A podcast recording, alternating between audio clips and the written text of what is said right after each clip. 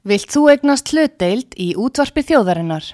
Sendu tölvupóst á hlutabref at útvarpsaga.is eða ringdu í síma 533 3943.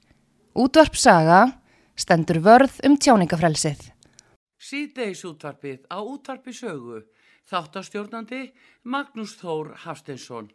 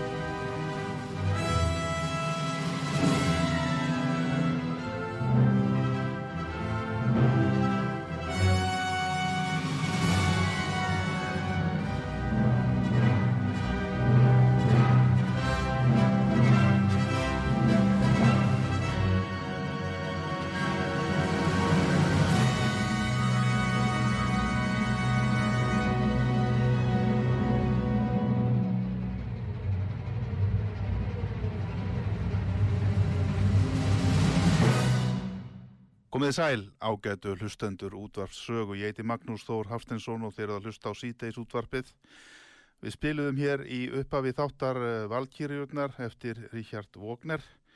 Um, það var nú svona gert vegna þess að uh, mér langaði til að helga þennan þátt þessar umræðu sem hefur verið mjög ábennandi núna undan fannan daga og jafnvel vikur. Það er þetta ófriðlega ástand í Östur-Európu sem veldur mörgum áhyggjum og um, ég fekk til mín góðan gestingað í dag sem er Björn Bjarnason uh, fyrirverandi bladamar og reittstjóri á morgumblaðinu ráþera, þingmaður, borgarfulltrúi. Hann hefur skrifað mjög mikið um öryggismál í gegnum tíðina og varnarmál og, og um, þekkir mjög vel til fyldist mjög lengi, mjög grann með þróun mála fyrir austan Járntjál þegar kaldastriði var og hétt Velkomin Björn. Takkaði fyrir, takkaði fyrir bóðið. Hvernig metur þú þessa stöðu? Já, hún er náttúrulega breytileg frá degi til dags og, og nú í morgun og þá bárust fréttir um það að rúsa væru byrjaður að flytja á brott hluta af sínum uh, liðsabla í kringum Úkrænu og, og þeir segðu að æfingum væri lokið og það myndi fara að breytast en aðrir segja að það sé nú ekki ástæða til þess að taka þessu þannig eins og öllu sé lokið því að það sjáist engi merkjum það í raun og veru í nákrenni Úkrænu að menn sé að, að rifa seglin. Þannig að það getur allt gerst en þá og, og þegar ég lagðast að hingað og hittaði að þá var Ólaf Sjóls sem er nýr kanslari Þýskalands á fundi með Putin og þeir sátu við langa borðið og rættu saman En það var fundur í gær þegar Putin satt við annað langt borð og kallaði til sín auðarikisráðurann sinn og varnamálaráðurann og sumi tólka það leikrið sem þar var sett á svið þannig að í raun og veru hafi það verið sett á svið fyrir rúsa til þess að gefa til kynna að, að þeir væri að byrja að draga saman seglinn því að Lavrov var spurður á fósittanum telur þú að það sé und að halda áfram og ná ykkurum árangri í frekari viðræðum og hann svaraði já fórseti ég tel að svo sé og það sé ekki reyndir þrautar hvort að samkomlag tekstum að pólitíska lausn eða ekki. Mm -hmm. Síðan kom Varnamálar á þeirran og þeir uh, rættu saman og ráð þeirra sagði við fórsetan já nú eru æfingunum að ljúka og við förum að pakka saman og og þá saði fórsetin gott. Og það er tólkað á sumum þannig að þarna hafi í raun og veru verið sett á svið svona upphafið að endalokunum. En við vitum það ekki og, og við vitum það líka báðir sem höfum fjalla mikið um ofrið og átök að, að uh, margt er sett á svið til þess að skapa sér svigrum til þess að gera eitthvað annað heldur en kannski viðblasir í fyrstu þannig að við verum að býða og sjá hvað gerist. Já, ég sé núna hérna í frettamilum Erlendum að Jens Stoltenberg var að halda bladamannafund og hann segist vera varlega bjart sín. Einmitt, ég Þannig sá þetta líka. Menn eru svona eitthvað aðeins að reyna einhvern veginn að... En, en hann var, sló líka varnagl og sagði já en samt er þurfum við að sjá frekar í merkjum að eitthvað hafi breyst raun og veru. Já, Stoltenberg hefur verið mjög harður finnst mér í hortna taka í þessari deilu. Já, mjög, og það sýnir náttúrulega þegar framkvæmdastjóri NATO talar svona, svona mikill hörku, Já. að þá sýnir það að menn eru samstiga á bakviðan. Hann myndi ekki geta að tala svona hviðu svona fast á orði nema vegna þess að hann hefur umbúið til þess. Já. Og það hefur náttúrulega gerst í þess að menn segja á vísu varðandi þjóðverja og, og, og, og afstöðu þjóðverja að þeir séu svona begja blansa því þeir eigi mikið undir góðum samskiptum við rúsa í viðskiptum eh, gaskaupum og Nord Stream 2 gasleðisland býður þess eins að verða opnud, hún er alveg til og liggur hún undir í þessu öllu saman eða ekki? Það segir bæten en, en kanslari Þýskalands hefur ekki tekið af skarið um það og það er sagt að að Putin hafi tekist í þessu öllu saman að, að gefa til kynna að Vesturland sé ekki alveg fullkomlega samstiga.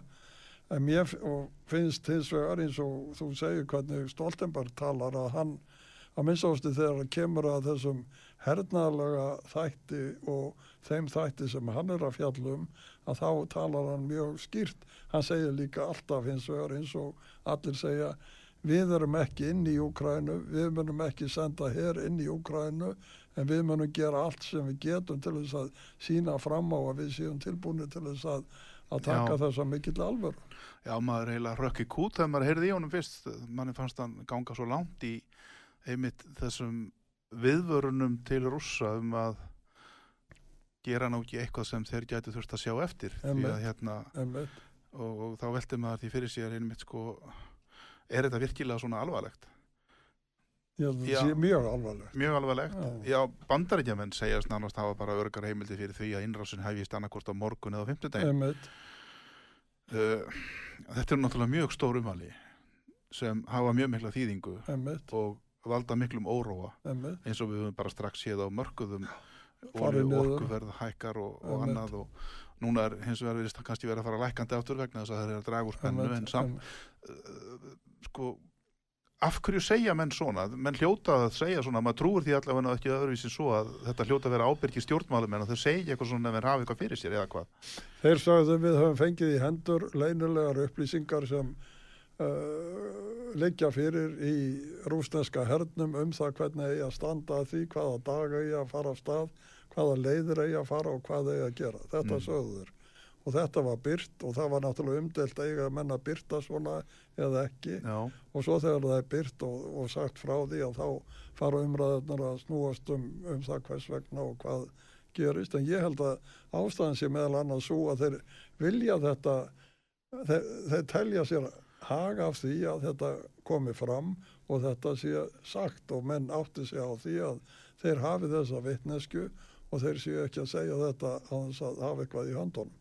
Hins vegar kom formaður þjóðarörgisraðs Úkræna fram í gerkveld og sagði það er af og frá að við meitum stöðuna þannig að það verður ráðist á okkur 16. eða 17. februar. Þannig að þú sér það að þetta er svona allt í kringum þetta þegar kemur að þessum þáttum er hulið ykkur í leind eins og gefur að skilja því að þetta er náttúrulega svo vilja mann ekki segja hvað það er að hafa fengið upplýsingar mm. þeir get ekki gefið það upp og, og þetta er náttúrulega stríð sem er háð áróðustríð gagvart okkur öllum í raun og veru. Við sitjum og hlustum að þetta velta þessu fyrir okkur. Já. og undir niðri og bakvið og undir er hins vegar háð annað stríð sem við sjáum ekki sem er í netheimunum og, og, og, og netárásir og tölvárásir og allir þeir hlutir. Og það er náttúrulega sögulegt í sjálfu sér að miða við allt það sem menn geta gert undir uh, uh, ósýnilega í netheimum að þegar skuli fara svona mikið á yfirborðið að séu núra kannski 150.000 rúsneskir herrmenn komnir þarna í umsátur um, um Úkrænu til hvers alltaf með fyrir sér? Og, og, og það hafa verið frétti líkum það að þessir herrmenn hafa verið fluttir yfir allt Rúsland alveg frá Kirrahafströndinni og allar lestar hafa verið lagðar undir til að flytja bæði vopn og mannabla til þess að taka þátt í þessu öllu saman. Já, það fær út af þessu. Það er nefnilega það sem maður velti líka fyrir sér. Getur verið, þú kallar þetta umsátur og þegar maður skoða kortið þá er það heflust eina rétt orðið yfir þetta. Úkræn er umkringd á alla kanta. eh, getur samt sem áður verið að, að rússar séu einfallega að reyna að knýja fram samningstöðu eða draga til sín aðtikli fá þessi mál í umræðu það er að segja þeirra eigin örgismál eins og þau horfa við þeim að koma því á kortið, að það sé það sem vaki fyrir þeim, þeir hafa aldrei alltaf að gera neina innrás, heldur að sé þetta fyrst og fremst einhvers konar leikrit til að búa til slíka stöðu. Jú, en það er mjög dýrt þetta leikrit, en enga síður getur að verið og er kannski bara leikrit, ég veit ekki, en það hefur náttúrulega gefið Pútín færa á því að setjast í þá stól það sem að situr núna, búið að halda tvo fundi með, og símafundi og aðra já, fundi já, með bæten og hann er talað um hann eins og hann sé svona algjör stjarnar á himni alþjóðastjórnmála eins og bandaríkjafósetti og kínafósetti og hann hefur komið sér í þá stöðu og við sjáum annan harstjórun í Norðurkóru sem líka stefnir að því að geta setið svona eins og með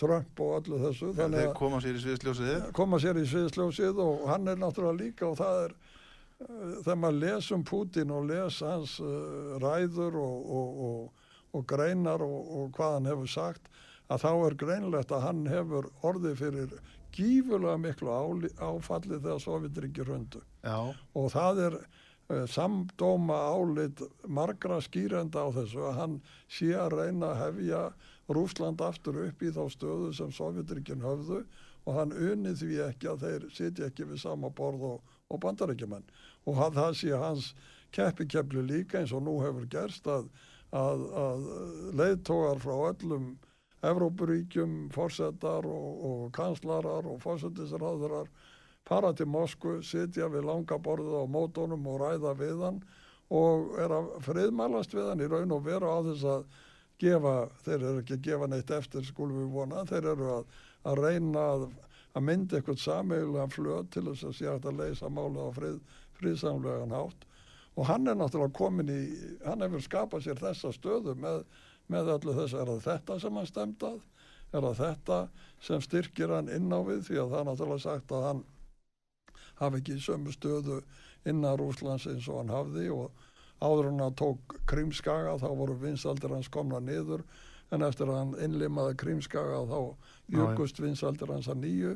Er hann að styrkja stöðu sína heima fyrir? Og ef maður les rúsneskar eh, frásagnir frá Rúslandi sem að það byrst svo mikið að því núna allt í einu að því menn hafi ekki haft neitt náháð og svo nú er þetta byrt og þar er meðal annars verið að vitni Sýrinovski Sýrinovski hann uh, kom fram á, á sjónarsviðið á, á Jeltsin tímanunum og þegar ég var á þingi Evróparásins í 1993 og 4 að þá var hann mjög áberandi þar. Og hann var meðal annars hann var mjög reyður yfir því þegar Eistrasaldríkin gerðust að, aðilar að NATO og, og fengur sjálfstæði. Og hann sagði að það ætti bara að búa til fanganýljend á Íslandi og setja já, þetta já. fólk ánga og kom sér þannig í fréttir hér á landi og meðan eru alveg skelkaður hann er enþá í gangi þessi blessaði maður. Ég hitt hann, hann, var, hann er ótrúlegur alveg. Hann er svo eitthvað ekki, þú lærði henni mann man verður ekki endilega hlátur Já þetta er ekki trúður, þetta er engin trúður þetta er, man, honum er alvara. Honum er alvara og, það, og sjá það sem hann er að segja núna. Og já. ef þetta er baklandið mm. í Rúslandi í einhverjum öflum sem, sem Putin er að reyna að hafa góð, góð til þess að halda sinni stöðu að þá er engi fyrir það að þurfa að setja mikið á svið. En hvort hann hafi burði til þess að fara í stríð því að nú segja maður líka Úkrænumenn voru teknir í bólinu 2014 hafði ekki neina burði voru, voru innbyrðis sundraðir á þann vega þeir gátt ekki neitt svarað fyrir sig sjálfur nú er hins vegar eru þeir undirbúnir mm. og það má ekki gleyma því að þetta eru 42 eða 4 miljónir manna og það hefur verið dælt í þá vopnum og peningum og þeir hafa verið styrtir á allan hugsanlega máta þótt að sé ekki erlendur herabli í landið þeirra að þá eru þeir allt öðruvís undir það búnir að, að fara í átök ef að til þeirra kemur og í Rúslandi hafa menn skrifað þannig að, að Putin sé að stíga skrefa ef að fara inn í Úkrænu sem minni bara það þegar rússar fór inn í Afganistan mm. 79-80 og sem var uh, notað það voru Tjernobyl-slísið og það var stríð í Afganistan sem enn notuðu sem skýringu á því innar Rúslands að því að Sovjetryggir hundu oh. þannig ef að þeir eru farnir að segja það að, að, að og við, við okkur blasir þessi fjöldi hermanna en, en innan Rúslands þá getur málið hort allt öðruvísi við að þeir viti og herrin sé ekki vel búinn og þetta sé meir og minna allt leiktjöldi í sjálfu sér mm -hmm. en það sem hann getur hafa fengið út úr þessu er, er, er Kvítarúsland, hann getur hafa náð Kvítarúslandi, þeir voru engir sérstakki vinir Lukasjenko og Putin Nei. voru fundir og það vakti aðtikli þegar þeir hittust fyrir nokkrum misserum í, í Santi Pétursborg að þá var allt einu einhverju mótmælahópar á götum út í Minsk sem engi botnaði í og það voru menn sem voru að mótmæla því að Lukasjenko var að tala við Putin og voru að vara við því að, að rússar færa að færa sig upp á skaftið í Kvítarúslandi en núna er Kvítarúsland uh, á kortum sem maður sér að þá eru herstöða rúsa komnar út um allt í Kvítarúslandi mm. og það getur vel verið að Kvítarúsland verði herfangið sem að fær út úr þessu í raun og veru að hann tryggi stöðu sína alveg 100% í Kvítarúslandi. Það getur verið eitt af mótífunum á bakveð þetta sem að segja. Hann er að, ja, hann er að styrkja stöðu sín í Kvítarúsland og við tökum ekki eftir því og við, við, við horfum á Ukrænu. Og það virðist vera, hann sé búin á, þau sér það Það voru fluttir 30.000 herrmenn rúsneskir inn í Kvítarúsland til að æfa. Nú segður að vísa þessi eitthvað að fartin að fara tilbaka. Við vitum ekki almeinlega að því við uh, erum svo upptökinn af, af, af, af þessu Úkræna má ekki fara í NATO og þessu kröfum hans. Við vitum ekki almeinlega hvað er að gerast í baklandinu og hvernig þetta þróast. Mm hvað ætla Úgrænum menn að gera? Það var sendið herra Úgræn uh, í London og sunnudasmotni sagði já við getum vel hugsað okkur að að, að, að að hætta við að sækjum í NATO og það er ekki þá voru þeir fljótir að kipi í spotta og segja að hann hefði enga heimil til þess að segja þetta.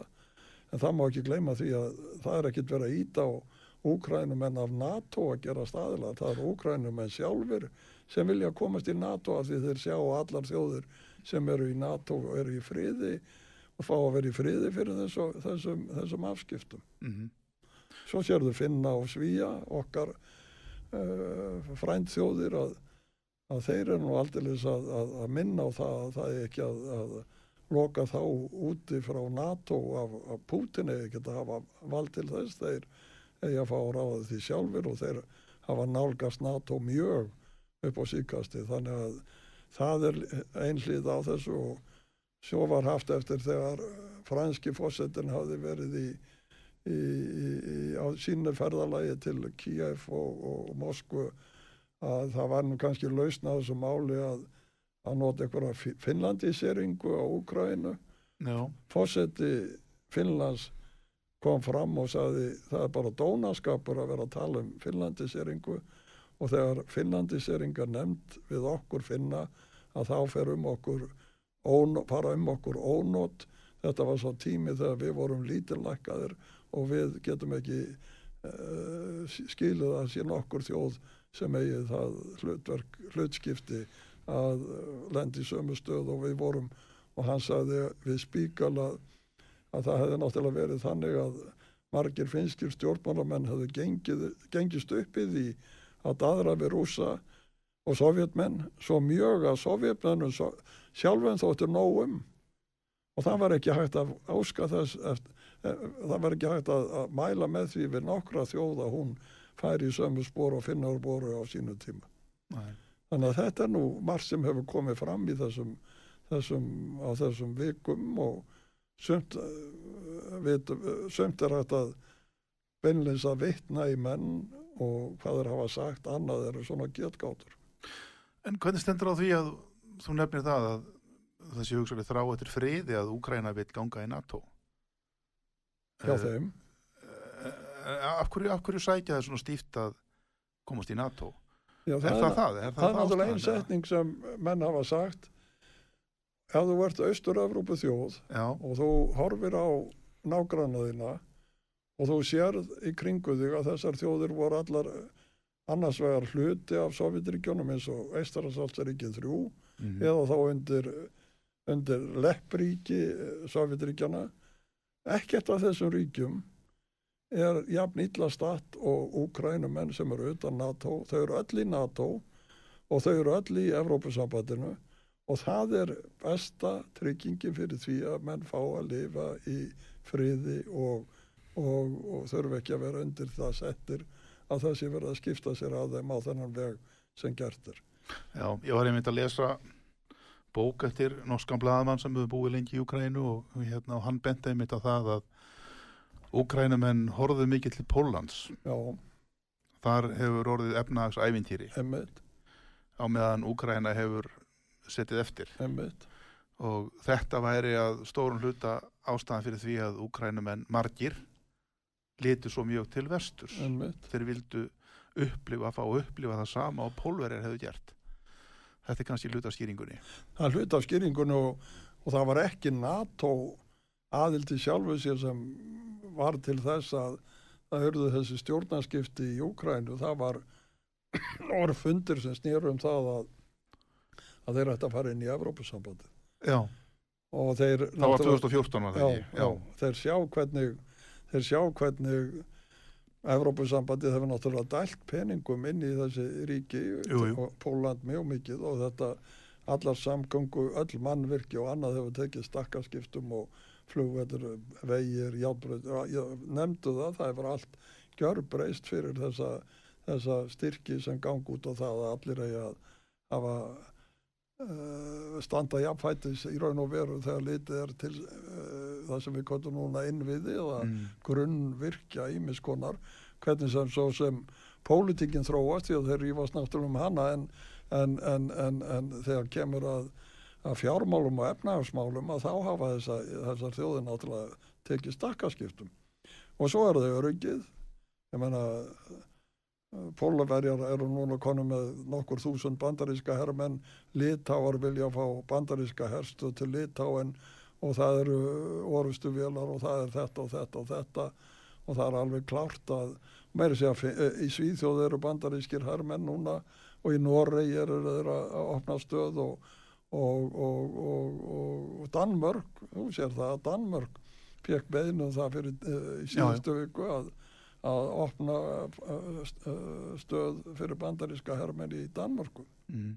og þeir, þeir hafa ákveðið að ganga til samningu um það, það var aldrei komið til tals frá lókun síðara heimstyrjaldarinnar að vísa segja þeir, já við ætlum ekki að vera með á Borgundarhólmi af því að, að að Sovjetmenn lögðu undir sér Borgundarhólm á sínum tíma og það er því svona of mikil augrun við þá. En, en eh, hvenær, hvenær verða svíjar komni með bandaríska herrmenn í Gótlandi Já, ég meina það, þetta er bara veruleikin og þetta byrjaði allt eftir 2014 Já. hvað heldur að myndi gerast núna ef það er því hernaður í, Úkrænu hvernig myndi, ég þú er nú eiginlega ekki að hugsa þá hugsun til enda.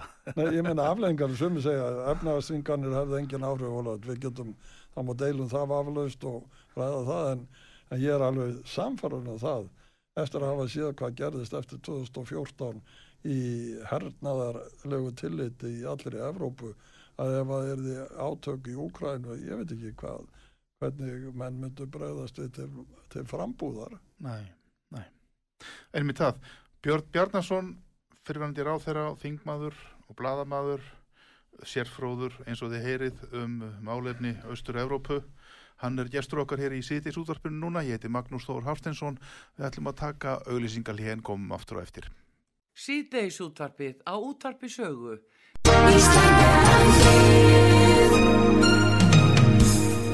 Styrtareikningur útvarpsögu í Íslandsbanka á Granda. Útubú 513, höfubók 26, reikningur 2.11.11. Nánari upplýsingar á útvarpsaga.is. Takk fyrir stöðningin. Þáttastjórnandi Magnús Þór Hafsteinsson. Komið sælaftur, ég heiti Magnús Þór og þið eruð að hlusta á Sýtis útvarpið og hjá okkur er Björn Bjarnason. Við höfum verið að tala um ástandið í Úkrænu og uh, samskiptin við Rústland og, og uh, svona verið að reyna að ræða og átt okkur á því hvað, hvað er raun og veru er að gerast. Uh, mér langaði til að spyrja hér núna eftir hljöpjöld uh, um það eru rússar á einhvern hátt eins og maður sé náttúrulega oft í svona átökum og svona hernaði að maður reynir að koma á stað misklið hjá anstæðingunum, sundra anstæðingunum getur verið að þeir séu að búa þetta til núna einmitt til þess að uh, berja sprungur í veggin Já, öruglega og það hefur náttúrulega alltaf allatíð verið síðan NATO kom til sögunar eh, 1949 þá hefur alltaf verið manga veldur um það að það var hægt að reyka fleig á milli bandaríkjana og Evrópuríkjana og síðan hafa með talað um þetta sérstakka samband Breitlands og bandaríkjana og það sé líklega ekki hægt að reyka þar fleig á milli. En hins vegar þjóðverjar hafi sína sérstöðu, frakkar hafi sína sérstöðu og það sé hægt að að búa til alls konar uh, flækjur í kringum það.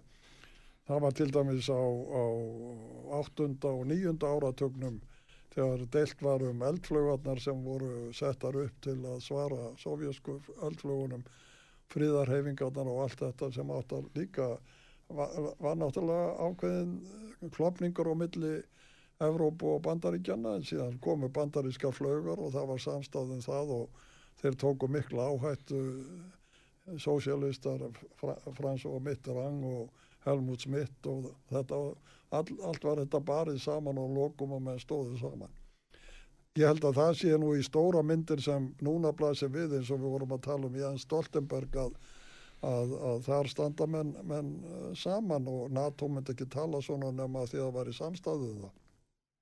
En hins vegar eru hagsmunninir ólíkir og menn eru náttúrulega stjórnmálamenn og eru vilja hver og einn fá að, að sína hvað í þeim býr og við sjáum það að, að það er alveg augljóst og Emmanuel Macron notar sína stöðu og vil stilla til friðar eða ná samkommulagi og það myndi gagnast honum í kostningabaróttinu, hann er að fara í -hmm. fórsættakostningar í apríl Já. og það er hægt að spila á það og það sé hægt að finna út hvernig það er. Það er líka hægt að spila á þjóðverja því að þeir hafa veðjað og það, ég tel að það hafi verið ránt hjá þeim að veðja svona mikið á gas frá Rúslandi og þeir mm. eru uh, háðir þessu gasi og það er búið að leggja þessa nýju gasleislu, hún er tilbúin, það eru núna stjórnsýslulegar ákvarðanir í Þýskalandi sem er verið að taka og taka nokkra mánuð og Európa-sambandi getur skoða málið en enga síður saði bæten við leggjum Nord Stream 2 undir ef það gerist eitthvað sem við erum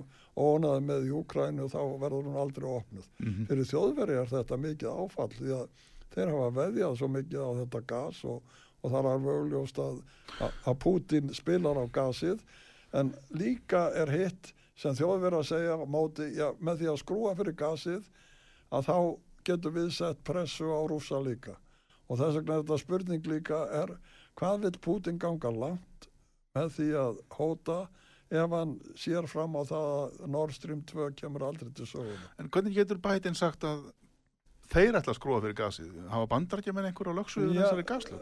Hann sagði þetta eftir fund með Óla Já, já, ég tók eftir þessu. Og, ég... og Sjóls sagði, sagði ekkert, en takt eftir því, hér á Íslandi í mæ á síðast ári, mm -hmm. þá hittust þeir Lavrov og Blinkan, auðarikisráður á bandaríkjana og, og Rúslands mm -hmm. í fyrsta sinn og hvað gerðist á þeim fundi Blinken hann sagði við, við Lavrov við erum tilbúinir af því að Biden og, og Blinken og demokrater og allir í bandaríkjónum hafa allatíð verið á móti Nord Stream 2 hann sagði við, við Lavrov við erum tilbúinir til þess að, að breyta þessari afstóðu okkar og, og, og samþykja Nord Stream 2 og það var til þess að Biden og Putin hittust í um meðjan júni í Genf og heldur sem fyrsta fund.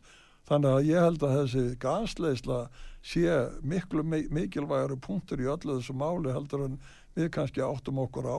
Og bandaríkja menn hafi tekið af skarið og þjóðverjar gengist inn á það því að valla hefur sagt það nema því að þjóðverjar hafa gengist inn á þetta kanslarinn segja ekki neitt af því að forveri hans í, í forristu í Þíska jafnamannafloknum Gerard Schröder er aðal ráðgjafi Pútins varðandi þessa gasleislu og þetta gasmál allt saman.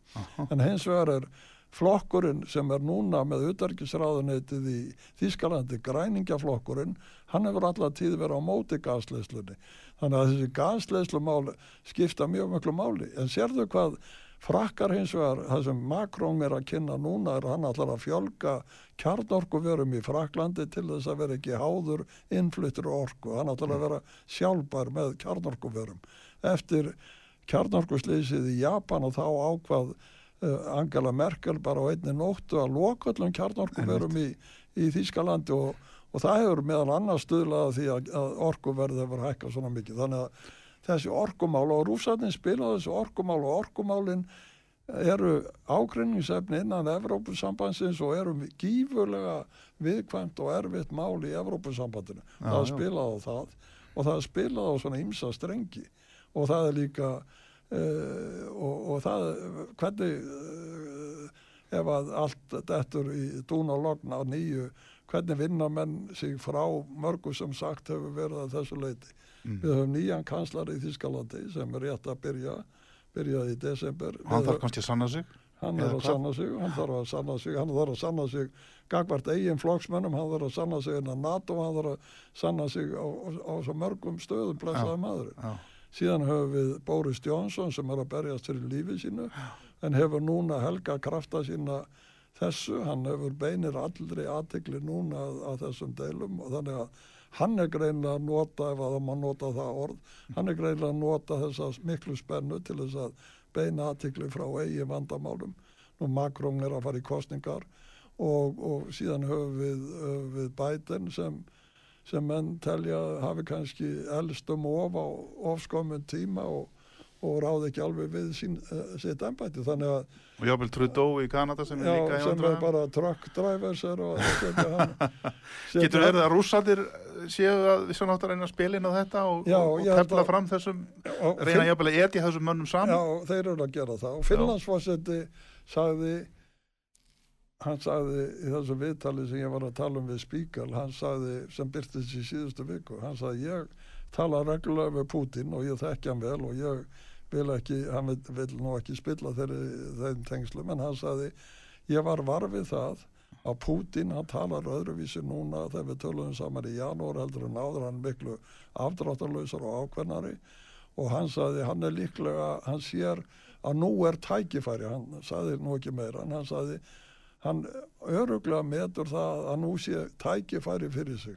Já. tækifæri til hvers, til þess að, að komast á þann stall sem hann hefur komist í sjálfu sér með þessum æfingum öllum saman þegar Einmitt, þegar maður lítur á diplomatíuna. Já, já, og hann en, og þessi ágreiningur og þetta uppgjör og innan Vesturlanda á eftir að fara fram það, en, en hins, ég, lít hins vegar á þá hlið sem þú nefndir hérna áðan í sambandi við Stoltenberg og það, hvernig hann talar og ég lít á það að ég var nú þarna og fór um Norðurlöndin og var satt að segja mjög uh, já ekki undrandi ég var bara jú eiginlega undrandi að heyra hvernig að tala var í Svíþjóð og Finnlandi um örgismál miða við það sem ég hafði kynst áður Mhm. og núna að heyra hvað sænski varnamarráður hann segir heyra hvað finski fósettin segir og hvernig þeir tala um öryggismálin og bera það sama sem var fyrir eh, 30-40 árum og það er bara eins og svart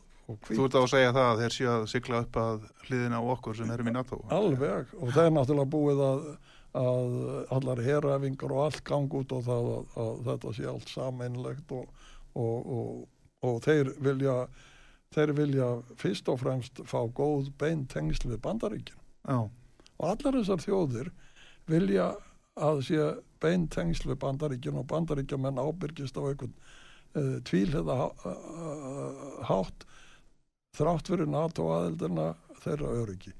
Og við hér búum í þessu tvöfaldakerfi, við búum í, í, í NATO aðild og við búum með varnarsamningu í bandaríkin. Og ég tel núna að þriða stóðin í okkar öryggismálum sé, sé Norrlandasamstarfið mhm, og svo verður spennand að sjá hvað breytar gera því að breytar alltaf láta meira að sér kveða hér á norðurslóðum heldur en áður. Og það er verið núna að tala um það að eftir að breytar fóru úr Evrópusambandinu þá sé nú neðsynlegt að búa til eitthvað svona nýtt uh, öryggisbandalag Evrópuþjóða og fá breyta aftur inn í samstarfið þjóðverja og þessar þjóðir. Þannig að það er svo mikið í deglunni og þetta hefur kallað fram svo miklar umræður um ákveðnar hluti, hvernig menn eiga að, að láta að sér kveða að, að það verður mjög spennand að sjá hver breytingi verður þegar upp er staðið. Hvað með Ísland í þessu öllu saman? Hvernig, uh, nú segja margir að hlutverki, eða sögumir allavega, að hlutverki okkar hafi nánast lokið þegar að kalda sig innu lauk. Uh, við höfum svona ákveðin áhrif áður en, en, en höfum það ekki lengur og, og hér sé, já, lítið um að vera. Það var reyndar komið hingað sprengjuþótur, B2 og síðan kábátarleita flugvila sem hafa notað hjapla ykkur flugvall en þar fyrir utan sé nú svona ekki mjög mikið að gerast er, er vægi okkar innan NATO, hefur það minkað? Ég held ekki, það er öðru vísi, það er ekki Já. minkað því að landafræðin breytist ekki og Nei, það nei. er enginn sem Við erum enn á sama stað. Já, alltaf á sama stað og allir þeir sem fara að velta hlutum fyrir sér að þeir sjá náttúrulega mikilvægi þess að, að hvernig þetta allt er. Sem betur fyrir erum við ekki í sömu stöðu og við vorum áður þegar þetta var svona allt mjög nær okkur heldur en núna mm -hmm. og, og normenn hafa tekið á sig ákveðið, ákveðið hlutverk sem við höfðum áður með því að, að leifa og samþykja bandaríkjamenn séu með sína flugvilar alveg nýrst í Noregi. Mm -hmm. En sjáu hvað gerðist núna sem hluta þessu. Rúsar eru núna með 30 skip eða eitthvað slíkt á, á Svartahafi við æfingar. Skipum voru flutt frá norðurflótanum, mm -hmm. hér sildu hérna millir Norris og Íslands og æfðu við Írland jú, jú. og Írar voru alveg hendur dolfallnir yfir þessu og þetta getur orðið til þess að Írar endur skoðið allar sínar varnar áallanir. Það getur orðið til þess að Írar kannski sækjum aðeldanát og ég veit ekki að það mm -hmm. getur breyst, breytt þeirra viðþorfi, það er alveg augljóst. Síðan voru landgönguskip sendt frá Eistrasalti og þau sildu og fór inn í Miðrahafið og til Svartahafs og þeir voru líka sína rúsar í þessu að þeir gætu, þeir gætu væri með þá öflugan flota og þeir gætu komið úr öllum heimsotnum til þess að láta að sér kveða Já. á Svartahafi mm -hmm. þannig að með, það er engilega Allandshafið er náttúrulega líkil haf áfram og, og, og Ísland er gegnir leiki hlutverki í, í öllu sem varðar allansafið og, og syklingar hér þannig að en sem betur fyrir erum við ekki við erum og eftir að Östur-Európa og eftir að NATO færði svona langt í Östur að þá er ekki eins mikið þrýstingur endilega á okkar slóðir eins og áður en, en, en að draga þá álugtun á því hvers konar heldur að Danir hafi gjörbreytum sína stefnu í norðurslóðamálum búið að endurskipulegja alla norðurslóða herrstjórnir eh, Dana þeir eru að fara stór efla eftirlit á Grænlandi með drónum og, og, og öllum nýjustu upplýsingateknið og þeir vilja opna ratsjárstöð aftur í, á færægjum bendir þetta til þess að menn séu bara að segja Norðurallandsafið skiptir einhver máli. Mm -hmm. Ég held að það sé búið að gera miklu meirur ástafanir á austurvæng NATO og austurvæng Norð, Norðurlandana sem enn á eftir að gera hér á vesturvægnum og munum koma á næstu missur. Uh. En þetta koma, við erum ekki, við erum ekki með, með fast, fasta viðveru varnaliðs hérna núna nei, nei. og við erum hins vegar með fjölþjóðlegar herrdeldir sem koma reglulega á keflaguflúvall og eru hér uh, með langan tíma hver og með mismunandi tækjum og kápátaleitarvélar eru mismargar og svo framvegs ég fylgist nú ekki þannig með því en ég er ósamála þeim sem segja að uh, hernaðlega mikilvæg vægi Íslands ef að við gætum verið stikkfrí þá væri það mjög æskilegt að ég veld, held að við getum ekki verið stikkfrí. Við verðum að hafa mjög ábyrgastefnu, við verðum að leggja fram það sem við getum við bandalagsþjóður okkar í NATO og við verðum að rækta sambandi við bandaríkinn í varnarmálum og líka við Norðurlöndin því að við erum ákveðin tengiliður á milli bandaríkjan og Norðurlandana og í mörgu tilliti og, og náttúrulega við erum þjóð sem lítur meir í vestur heldur en flestar aðrar Evrópaþjóður og hefum nánari samskiptu við bandaríkin heldur en flestar aðrar Evrópaþjóður. Flestir mm. ferðamenn hér koma frá bandaríkjónum og Íslandingar ferðast mikið þanga og við erum uh, þannig hugsandi að við getum, höfum engin efna á því að vera eitthvað að, að minka tengslinn við bandaríkin. Nei. Ef þetta færi nú allt á vestavegu, það hefst innrás á morgun eða fymtudaginn eins og mm -hmm. menn hafa mm -hmm. gefið í skín skulum nú vonað að það verði ekki Hvað, hvert telur þú þá að framhaldið er því? Já það e, e, ég tel vísta með standi við það að þeir ætla ekki að skipta sér af hernaðinum í Ukrænu og það verður Ukrænu manna sjálfra að berjast við, við rúsa og, og, og hvernig verður það það er sem ég spá því að þetta byrju með loftarósum á Kíjaf og, og það er náttúrulega stista leiðin frá Kvítarúslandi til Kíjaf og vantilega sendaður hér á plataðan og sjóður á spurningin hvernig er þú þýttir nú þessa miklu bókum síðar í heimstyrjöldin og það sem er líst nákvæmlega hvernig uh, leðjan og drullan og, og, og, og vandraðin öll sem sköpuðist vegna þess að menn voru að nota skriðdrega við óbærulegar aðstæður vegna veðurs og, og, og jarðvegs. Þeir vilja að drífa sér á stað núna áður vorleysingarnar byrja. Það er, það er að draga því. Já, já. það eru alls konar svona hlutir sem og þess vegna segja menn að, það að það, tíminn fer að hlaupa frá þeim að þeir alltaf að senda liðsabla inn á sléttur Úkrænu og það er nú minnistættur bókinu sem þú þýttir hvernig þeir lýsa þessum átökum öllum á þessum slóðum hvað þetta er erfitt alls saman sko. Já, já og tala nú ekki um ef að 40 miljónir Úkræna manna rýsa upp gegn þeim. Meina, hva, og Úkrænum en segja alltaf þeir, þeir leggja ekki í okkur. Við erum miklu og þeir leggja ekki í að sína hvað rúsneski herin er illa búin og þeir þóra ekki að, að láta það komi ljósa þetta er allt meira og menna ónýtt og úrælt tæki sem þeir eru með. Mm -hmm. en ef það eru þannig að þessi tæki eru úrælt og, og, og, og úr sér gengin þá munum þau bara beita eldflögum þá munum þeir þá það sumið sem segja að þessi stutt í það þeir beiti ykkurum ríkalegum vopnum að því að, að því að þeir hafi svo lélega landhermenn í raun og veru að þeir þessi svo stutt á milli þess að átök verðu og þannig til þeir fara að beita eitthvað skona kjartorkuvopnum eða eitthvað slöku. En væri þetta ekki bara eitthvað sem er eh, bara já, óhugsandi, þetta eru bræðra þjóðir? Það eru mjög sterk menningaleg og söguleg tengst með Úkræn og Rúsland Rúsar, uh, Úkræn var kvöldu litla Rúsland hérna einu sinni. Og það eru tengst sem ná aftur til aftur vikingana í, til vikingana að hérna þetta er alveg ótrúlegt. Það, já, man, maður næri ekki alveg yfir þetta sko þetta, þetta og líka ótrúlegt að það skulle vera sagt að þetta sé nöðsynlegt alltaf því að það sé verið að undirbúa einráðs í Rúsland já. Ha Já. Hver eru undirbúið einrás í Rúsland? Hvaða, ég nefndi hér sænska varnamálráðurann og það Já. sem hann hefur sagt og þegar tala við hann í BBC eða annars þá segir hann þetta er allt einhver stór miskilingur. Akkur setja menn í Moskó og ímynda sér að þessi okkur setið á svikráðum með það í huga að ráðast inn í Rúsland, það er enginn sem er að tala um það. Hver er að tala um það? Ég hef ekki hirt neitt tala um það. Nei, en akkur eru rúsum talin trúum það að það sé bara Já. að menn séu að það sem þessar þjóður í nákvæmni við þá er að gera að þeir, þeir vilja bara fá að lifa í friði og þeir talið að sé nöðsulegt að hafa góðan viðbúnað sér til varnar í því skinni en hann er ekki til þess að ráðast inn í Rúsland, þetta er engum í hugum.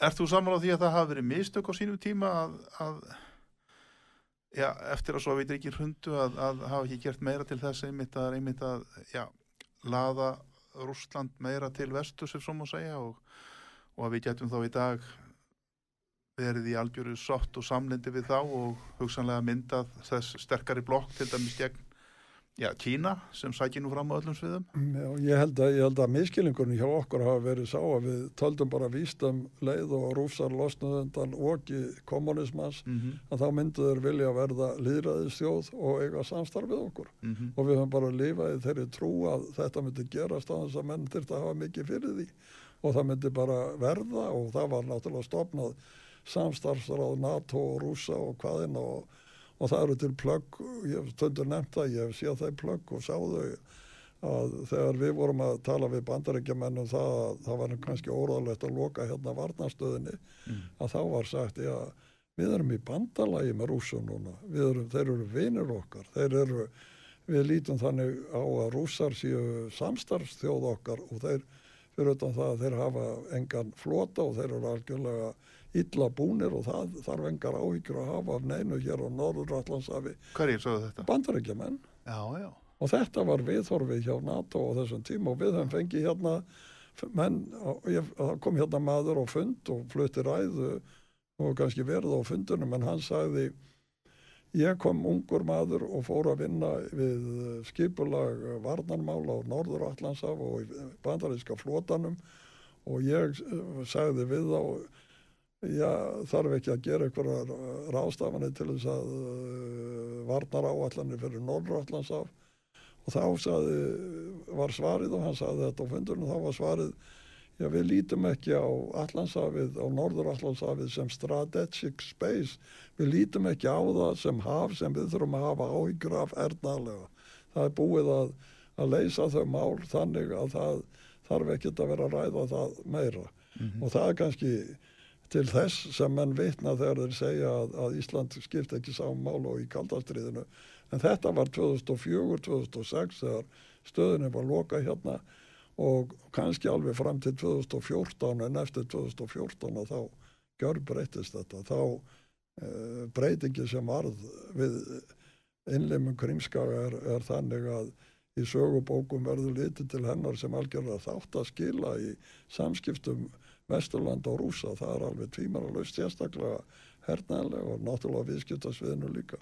Og þar hafi skilið leiðir þá voruð vinslit já, já, og torturignin magnaðist um mjög mikið. Það vísu vietnamenn í ræðu sem Putin hafi flutt á öryggisar ástöfnu í München árið 2007 Einmitt, og þá hafa hann uh, gefið til kynna að hann myndi ekki unna því að það væri eins póla heimuris og sagt er það að bandaríkjaman uh, réðu því sem þeir vildu og það erði að, að skapa mótvægi og þegar maður lítið tilbaka þá megi skoða þessa ræðu sem svona líkir ræðu í breytingum sem örðu á afstöðu rúsa mm.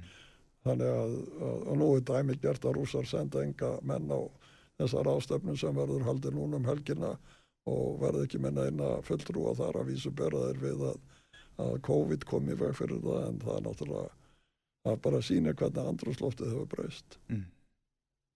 Þannig að að andrúsloftið er annað hernaðarmyndin er önnur eða eh, skipan hermál er önnur og, og, og, og ef það verður stíð eitt ófríðarskref og hörmulegt ófríðarskref núna á morgun eða hinn eða uh, hinn eða hinn að þá uh, dregur það svo mikið dilk á eftir sér að, að, að, að það er eiginlega alveg óhugsand að menn skuli vera yfirleitt að velta því fyrir sér Já Ég er sammálað því.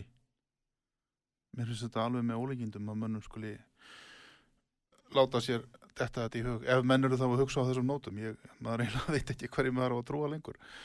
Eru, en, en hérna, hvort þetta sé einfallega bara búið að vera eitt allsverja stort leikrit til að ná fram ímsum markmiðum eins og við höfum farið í gegnum hér í stórflóðluðu viðtali eða hvort að mönnum sé alvara og þeir ætla að láta slagstanda og Já, það, gera árás. það er alveg reynd við leifum þá eitthvað sem við höfum aldrei ímynda okkur að geta gert held ég. Já. Við skulum vona það besta. Björn Bjarnason, tím okkar er á þróttum Þakka þið kjærlega fyrir komuna og stór fróðlegt og stjæmtlega spjall. Þakka þið kjærlega fyrir. Góði löstendur, ég heiti Magnús Þór Haftinsson Þættinum er lokið í dag Við þökkum Daví Teknimanni fyrir aðstóðina Ég verð hér aftur á morgun. Verðið sæl